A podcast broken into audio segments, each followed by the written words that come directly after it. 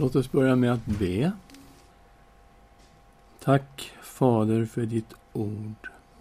Att du är den Gud som uppenbarar dig i skrifterna.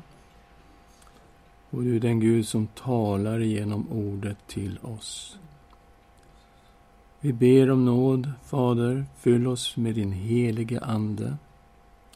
Verka i oss, o Gud, med din Ande. Öppna våra ögon, vi ber. I Jesu Kristi namn. Amen. Ja, vi gjorde klart Joel förra gången. Och vi kommer faktiskt att titta på Jona den här gången. Men vi ska påminna oss lite grann om situationen. Det assyriska riket är viktigt i det här sammanhanget. Det var ett stort rike och det har, ja, det har varit mycket större än det här, men 1100 f.Kr. så såg det ut så här. Och Ashur var huvudstaden. Och Nineve fanns också. Det var en stor, gammal, viktig stad, Nineve, på den här tiden. Båda de här städerna ligger vid floden Tigris. Vi håller till i norra Irak. Nineve ligger väldigt nära Mosul.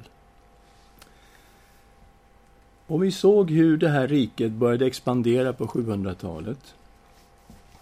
Nineve blev med tiden huvudstad. Eh, det var det inte under Jonas tid, den datering vi har satt, men det var fortfarande en mycket viktig stad.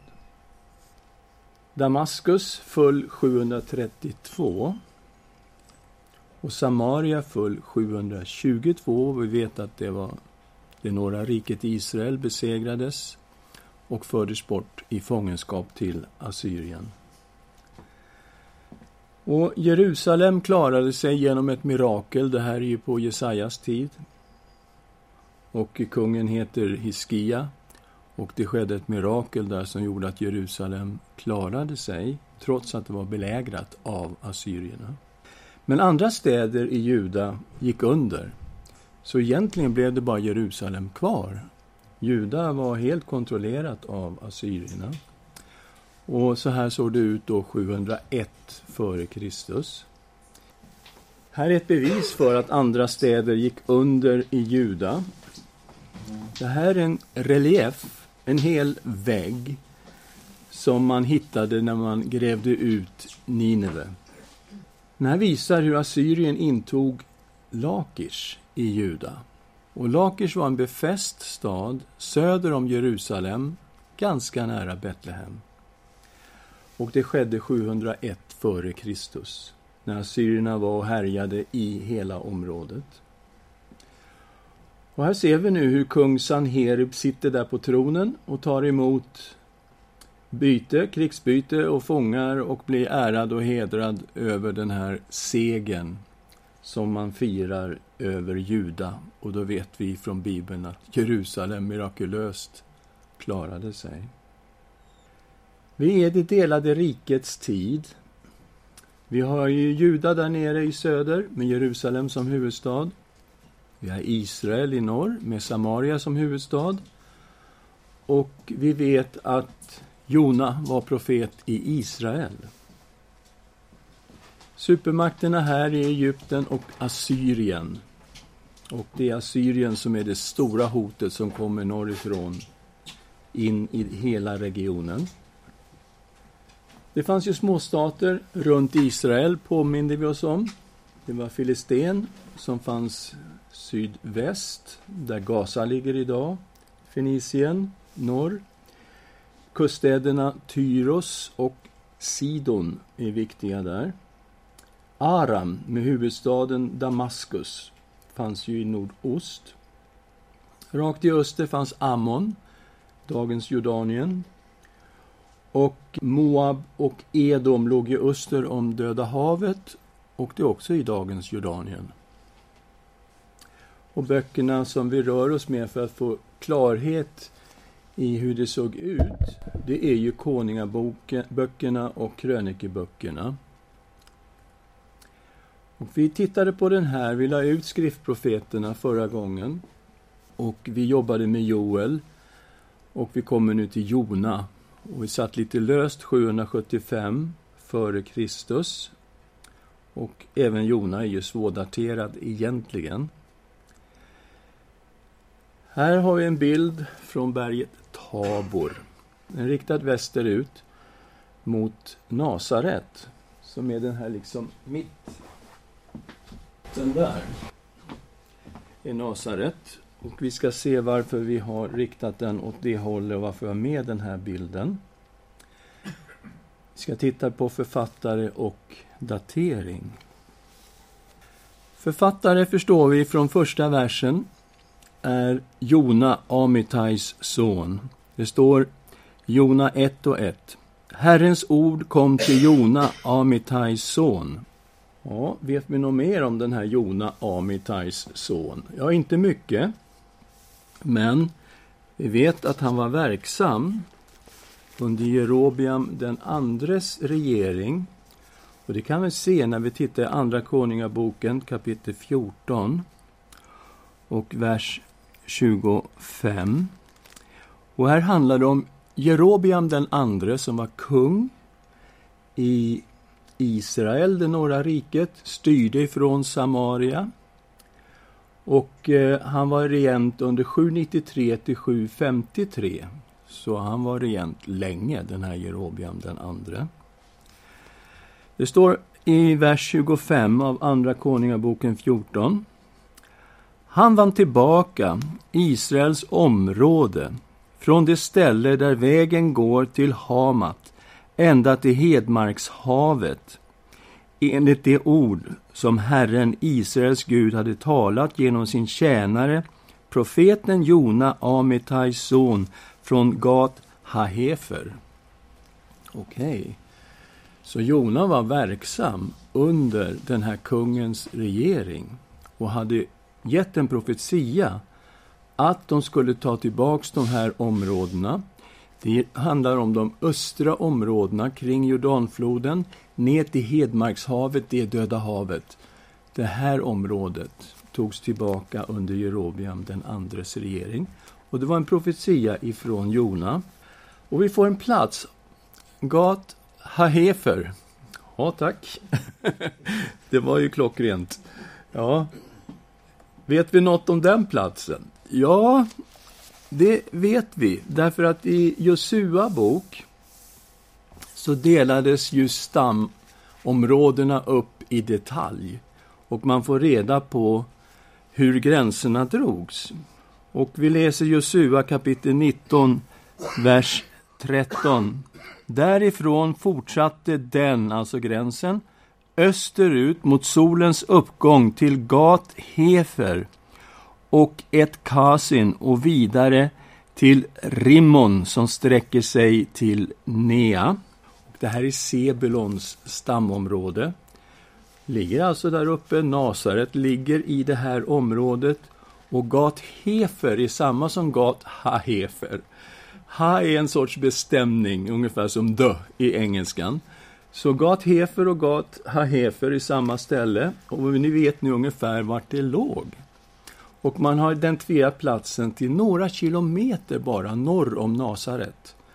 Och därför har jag tagit med den här bilden, så man får tänka sig nu lite upp i bergen. Det ser att det är lite dimmigt, det här är en kvällsbild. Och eh, där uppe i bergen ligger alltså, eller låg, Gat Hahefer. Så lite grann vet vi om Jona, men inte mycket. Det är en märklig bok. Den innehåller bara en enda profetia. Om 40 dagar ska Nineve förstöras. Det är ju inte en lång profetia precis. Resten av boken är ju bara i berättarform. Och det blir då en fråga, vem är författare? För det berättas om profeten Jona och så har du denna enda profetia om 40 dagar ska Nineve förstöras. Och Det betyder att det inte är säkert att det är Jonas som har skrivit boken. Utan någon kan ju ha skrivit en bok om profeten Jona. Det är ju fullt möjligt. Men vi måste ju också säga att det är möjligt att Jona har skrivit boken. Så vi håller den helt öppen och säger att det är fullt möjligt att Jona har skrivit den här boken som kallas för Jona bok. Och Jesus hänvisade till den här boken i Matteus 12, 38-41 och vi kommer att titta på det lite längre fram i studiet. Mottagare, ja, eh, på ytan så kan man ju säga att det är Nineve, självklart, som är mottagare. Profeten skickas till Nineve. Och det här var en väldigt gammal och viktig stad. Och ni ser den här bilden, det är alltså en, en mask av en kung. Och den är från 2300 före Kristus, så det här, vi förstår att det här är en gammal, viktig stad. Den fanns vid floderna Kors och Tigris. Och Korser är en biflod till Tigris. Och precis där den här floden rinner in i Tigris, där hade man byggt Nineve. Och det som var så speciellt med den här staden var att man hade, floden gick rakt igenom staden. Och det fanns ett brosystem över den här bifloden och kanalsystem och de hade vatten där inne och en väldigt vidsträckt mur, så, så staden var väldigt lång längs floden Korser. Sen låg den precis vid Tigris, så på ena änden så var den så att säga skyddad av Tigris. Och så hade den murarna runt omkring, så den var mycket svår att inta, den här staden. Det kommer vi se senare, vi kommer till andra profetböcker när vi ska titta mer noggrant på det här. I Jona bok så kallas den för den stora staden. Kapitel 3, vers 1. Det står att den var tre dagsresor lång, tre och tre. Och att Jona gick en dagsresa in i staden innan han höll sin väldigt korta predikan. Och det står också i kapitel 4.11 att den hade 120 000 invånare.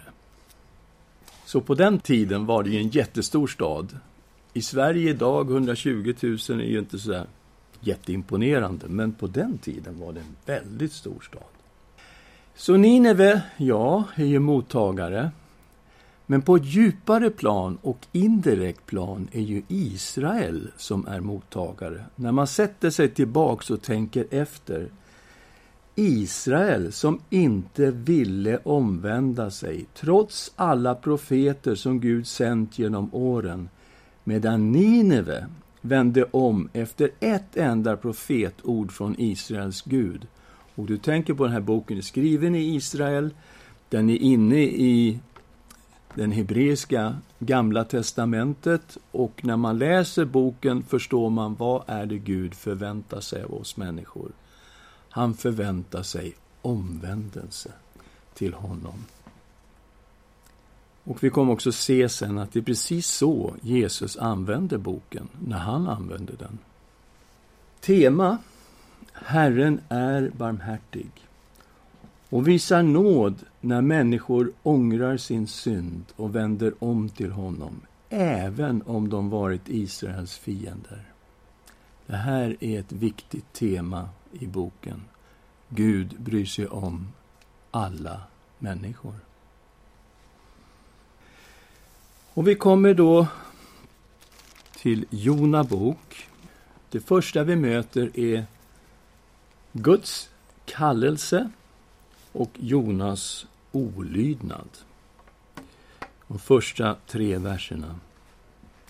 Herrens ord kom till Jona, Amitais son. Han sa, bryt upp och bege dig till den stora staden Nineve och predika mot den, för deras ondska har kommit upp inför mitt ansikte. Men Jona bröt upp för att fly till Tarshish, bort från Herrens ansikte. Och han kom ner till Jaffo och fann där ett skepp som skulle gå till Tarshish. Han betalade för resan och gick sedan ombord för att resa med den till Tarshish, bort från Herrens ansikte. Vi vet inte var Tarshish låg, men vi anar att det låg i västra Medelhavsområdet, kanske mot Spanien någonstans.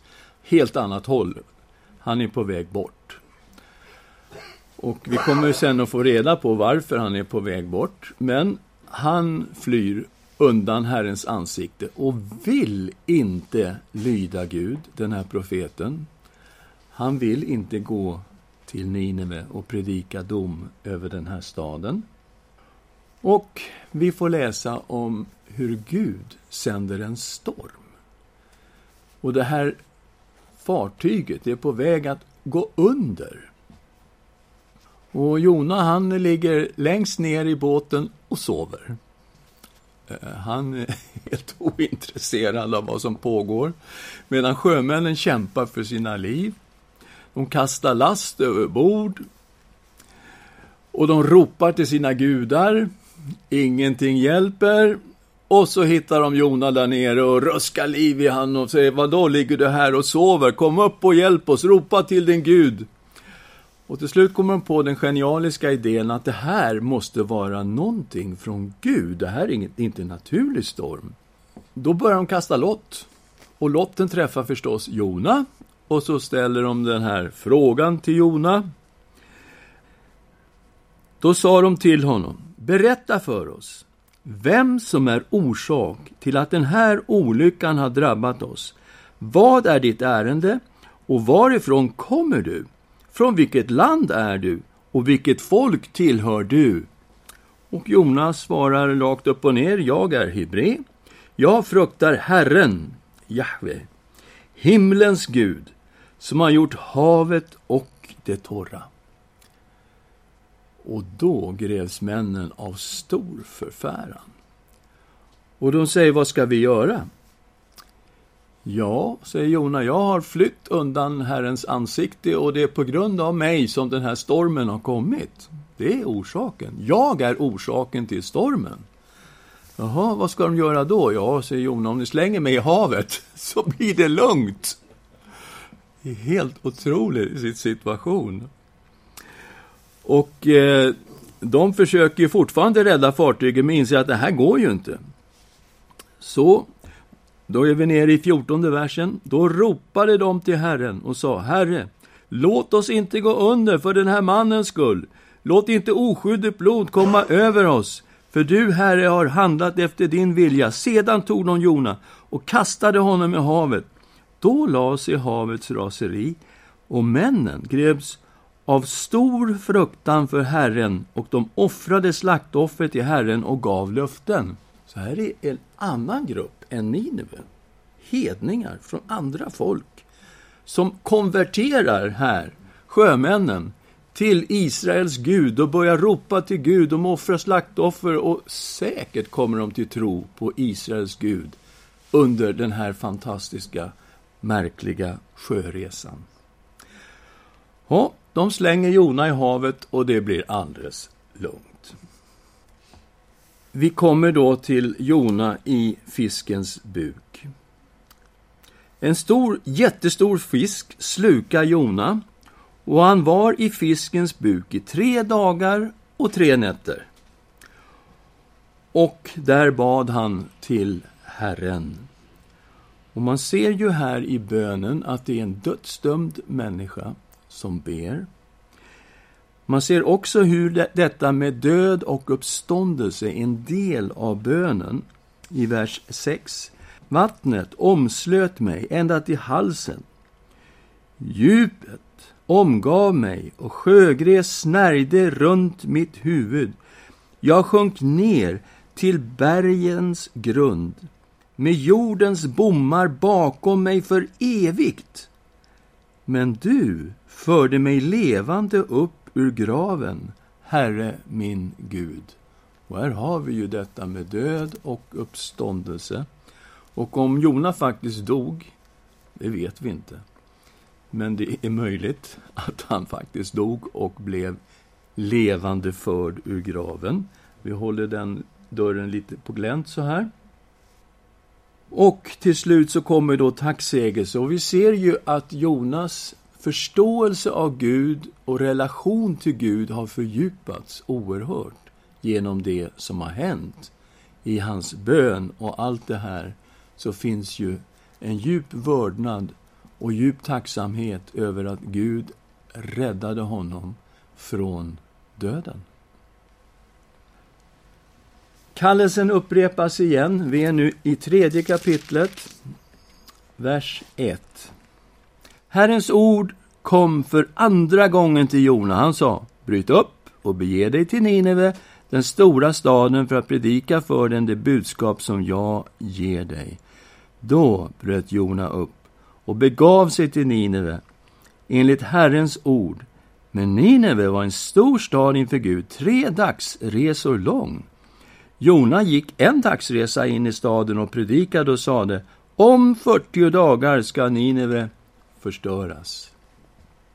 Gud upprepar kallelsen, han ändrar liksom inte någonting i ordalydelsen eller så, utan det är precis samma kallelse. Men nu kommer den i en ny situation. Jona är uppkastad på land av fisken, säkerligen i nordöstra delen av Medelhavsområdet. Ja, inte nära Nineve, men åtminstone åt rätt håll, så att säga. Och nu går profeten och bär fram domsbudskapet. Väldigt kort och kärnfriskt. Om 40 dagar ska Nineve förstöras. Säkert säger han något mer, till exempel att det här är Israels Gud som säger det här. Ungefär så. Därför att det visar sig ju sen att de vet vem de ska be till och vem de ska ropa till. Och vi kommer till att folket omvände sig. Femte versen. Folket i Nineve trodde Gud och de utlyste en fasta och klädde sig i säcktyg från den störste av dem till den minste. När budskapet nådde kungen i Nineve reste han sig från sin tron, tog av sin mantel, klädde sig i säcktyg, satte sig i aska. Sedan utropade och förkunnade man i Nineve enligt kungen och hans stormäns befallning. Varken människor eller djur, kor eller får ska smaka något. De får inte beta eller dricka. Både människor och djur ska klä sig i säcktyg. Var och en ska ropa till Gud med all kraft och vända om från sin onda väg, från de övergrepp han begär. Vem vet då, kanske Gud vänder om och ångrar sig och vänder sig från sin glödande vrede så att vi inte går under. Så här ser vi en total omvändelse av Nineve på kungens befallning. Och vi ser också vad som händer, att Gud ångrade det onda. I kapitel 3, vers 10. När Gud såg vad de gjorde, att de vände om från sin onda väg, ångrade han det onda som han hade hotat att göra mot dem och gjorde det inte. Och Jona blir jättebesviken. Sätt oss in i bilden. Assyrien är det stora hotet mot Israel, mot hela regionen. Och Jona ville ingenting hellre än att Gud skulle platta till Nineve. Så han blir ju jättebesviken, inte bara liksom personlig stolthet. Här har jag gått och predikat och så blir det ingenting. Här har jag burit fram en profetia, det händer inget. Det är inte det, det är någonting mycket värre. Men Jona tog mycket illa vid sig och blev arg. Han bad till Herren och sa, undrar hur han ber i det här sinnestillståndet. Okej. Okay. O Herre, var det inte det jag sa när jag var i mitt land? Därför ville jag förekomma det och fly till Tarshish. Jag visste att du är en nådig och barmhärtig Gud, sen till vrede, stor i nåd och beredd att ångra det onda. Jag visste ju att du är en barmhärtig och nåderik Gud. Så om de här vänder om nu så blir det ingenting och därför stack jag iväg till Tarshish. Jag ville inte föra fram det här. Det var inte det jag sa, Gud. Du är du är nåderik och barmhärtig. Det här går inte. Och eh, Gud lär sin profet en, en verklig läxa. Jona går ut ur stan, sätter sig utanför, han bygger en liten hydda så han har skugga. Herren låter en resinbuske växa upp och ge honom lite mer skugga. Jona tycker det här är väldigt bra. Han är glad över den här resinbusken. Han sitter där och tittar ut över staden. Och sen då nästa dag så låter Gud den här resinbusken vissna ner. Och då blir Jona jättearg igen. Därför att det kommer en östanvind, det är jättevarmt och solen gassar och han önskar sig döden. Han sa, jag vill hellre dö än leva. Men Gud sa till Jona, har du rätt att vara arg över resinbusken? Han svarade, jag har rätt att vara så arg att man kan dö. Då sa Herren, du bryr dig om rosinbusken, som du inte lagt någon möda på och inte har odlat och som kom upp på en natt och försvann efter en natt. Skulle då inte jag bry mig om Nineve, den stora staden, där det finns mer än 120 000 människor som inte kan skilja mellan höger och vänster och dessutom många djur. Så vi ser att Jona var ju väldigt egoistisk egentligen. Han har ju nyligen blivit räddad till livet. Han har ju varit i den här valen alltså, eller den här fisken. Och Gud räddar honom. Och sen så blir han jättearg när Gud inte krossar Nineve. Så blir han till och med arg över resinbusken som växte upp och vissnade ner. Och Gud är ju en viss kontrast här. Du bryr dig om den här busken, men jag bryr mig om människorna. Och det här var hedna folk. De hade andra religioner än Israel. Men Gud såg de här människorna. Och det här är ju temat i boken, att Gud bryr sig om varje människa när man omvänder sig till honom. Så vi ska gå nu lite närmare mot Nya testamentet.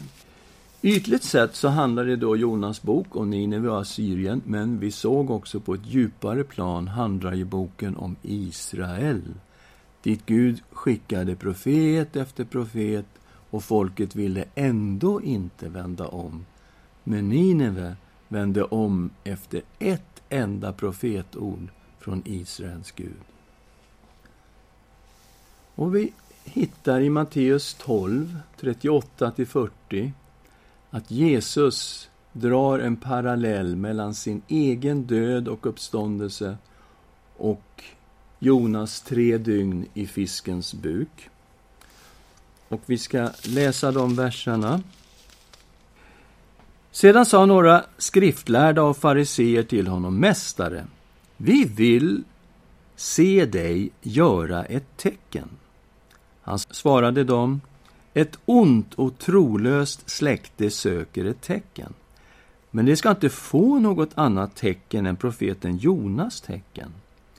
För liksom Jona var i den stora fiskens buk i tre dagar och tre nätter, så ska Människosonen vara i jordens inre i tre dagar och tre nätter.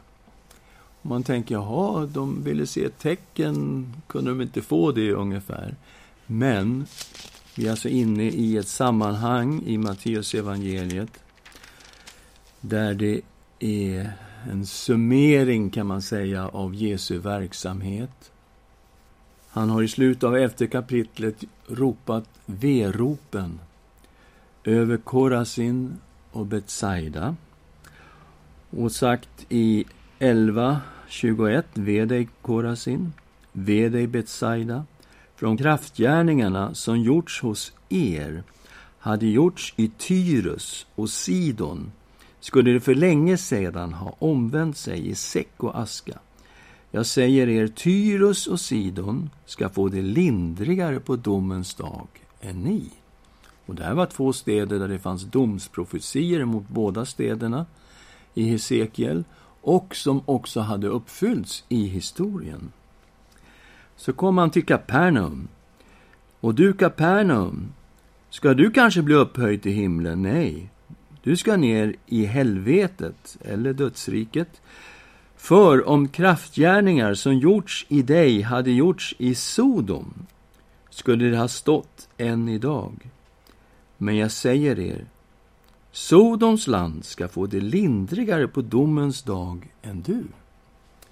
Så här är ju alltså städer som är dömda i gammaltestamentlig tid. Och Jesus säger de här kommer att få det lindrigare än ni på domens dag. Därför att de hade omvänt sig.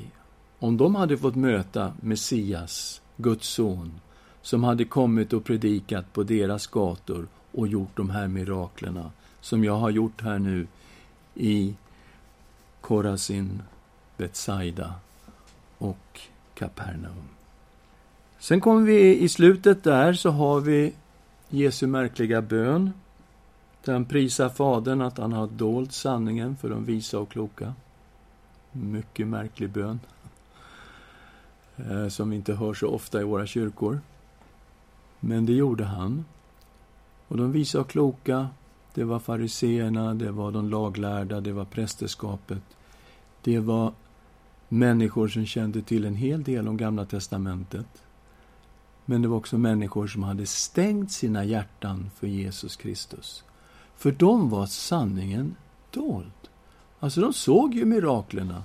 De hörde ju hans ord.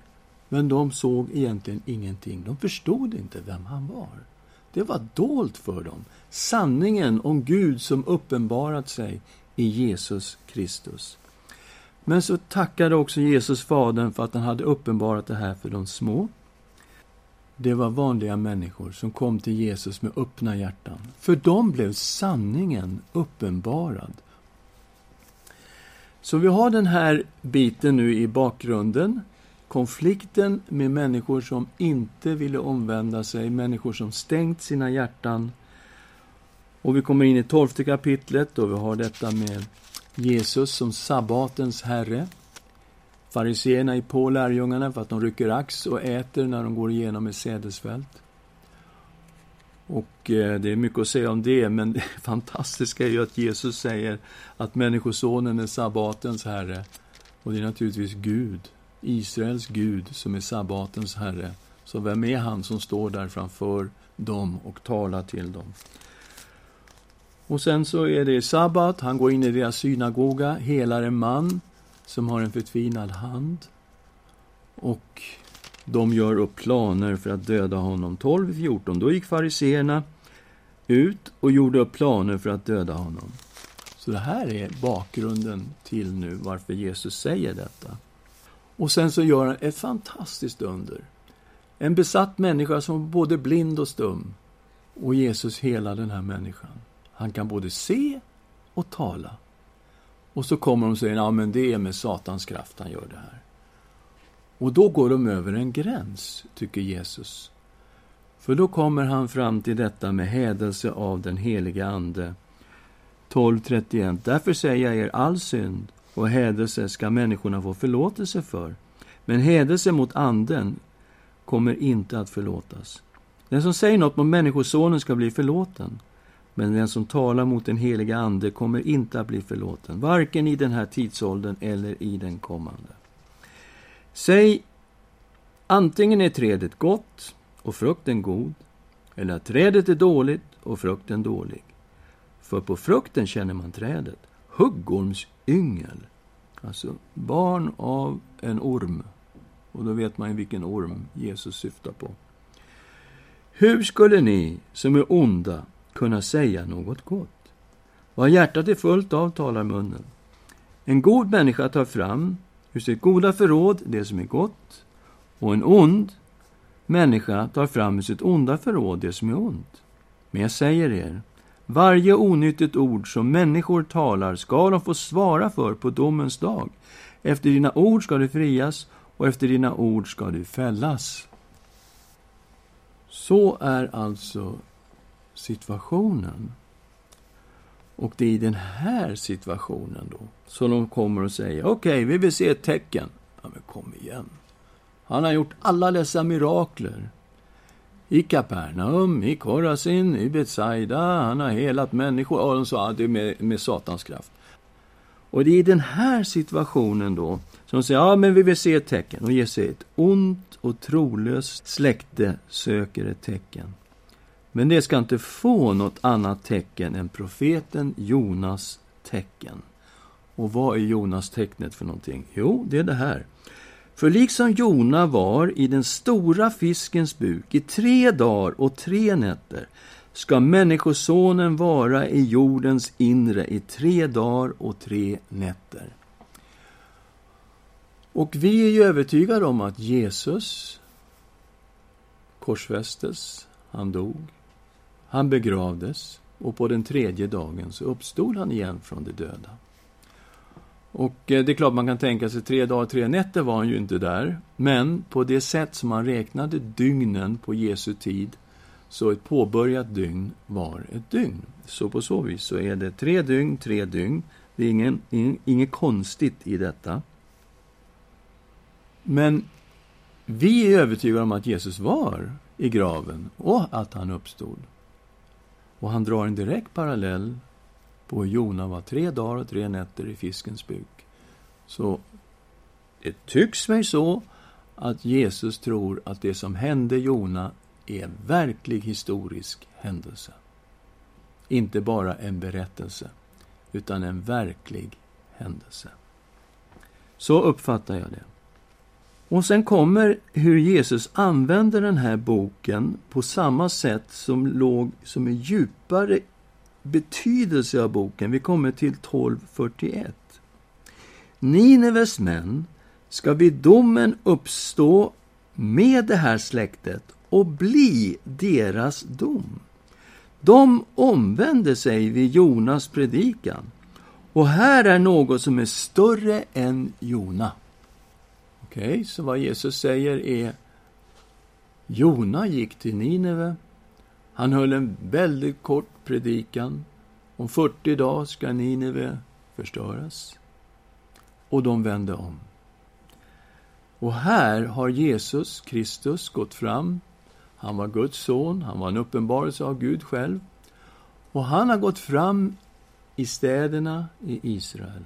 Han har predikat. Han har kallat till omvändelse. Han har gjort mirakler, under och tecken som backade upp och visade vem han var, bekräftade hela hans budskap och ändå vände de inte om. Och här kommer då parallellen. Vid domens dag så kommer folket i Nineve att bli en dom över den generation Jesus levde i. Därför att de vände om, men de andra vände inte om trots att Messias, Guds son, gick ibland dem. Så vi försöker oss på en slutsats här. På Jona bok. Gud älskar alla människor, oavsett etnicitet och religion. Det är en mycket viktig sats. Väldigt viktigt. Men människan måste vända om och ta emot Jonas-tecknet, budskapet om Jesu död och uppståndelse. Det är ju det som är Jonas-tecknet. Ja, vi är ett ont och trolöst släkte. Vi ska inte ställa oss bortanför fariseerna på något sätt. Vi vet att vi också är drabbade av detta. Men Jonas-tecknet är det tecken som Jesus ger till oss som är ett ont och trolöst släkte. Här har vi budskapet om frälsning, syndernas förlåtelse och evigt liv just i Jesu död och uppståndelse. Om vi ser hur de första kristna faktiskt tog till sig Jonas bok. När vi möter Jona idag så är det nästan bara i barnbiblarna vi hittar Jona och berättelsen kring Jona. Men eh, den tidiga kyrkan, de tog till sig detta med budskapet om Kristi död, Kristi uppståndelse och att Jonas tecknet faktiskt är ett tecken på död och uppståndelse. Och vi var i Rom för några år sedan och i Vatikanmuseet i Rom såg vi en sarkofag som är från 280 till 300 efter Kristus. Säg 300 efter Kristus. Och vi noterade då att Jona var ett återkommande tema på tidiga kristna sarkofager. Sarkofagen är ju som en kista, en dekorerad kista kan man säga. Och Jonas tecken handlade om död och uppståndelse. Och här kan man ju se hur de har avbildat detta och man förstår att de tänker på död och uppståndelse när de dekorerar kistan på det här sättet. Bilden visar ju Jona kastas i havet, hur han slukades av ett havsodjur och slutligen kastades upp på land. Ovanför till höger så vilar Jona ut under ett träd. Kanske är det livets träd. Så vi ser här. Här slängs han ju i, va? Här kommer han upp och här vilar han under ett träd. Så man har sett det här som en predikan. Man har begravt en kristen i en sån här kista och tänkt på Jonas tecknet. Jesu död, Jesu uppståndelse som är grunden för vår frälsning och vår uppståndelse från de döda. Ska vi be tillsammans? Tack Herre för budskapet i den här boken. Och vi förstår att du älskar alla människor. Det spelar ingen roll vilken religion, vilket folk de kommer ifrån. Alla är föremål för din kärlek. Och du vill, Herre, att alla människor ska vända om till dig, komma till insikt om sanningen och bli frälsta. Tack för Jonas tecknet, Herre, som är det tecken som vi lever i dag efter dag. Betydelsen av din död och din uppståndelse, vår Herre Jesus Kristus. Tack, Herre. I Jesu Kristi namn. Amen.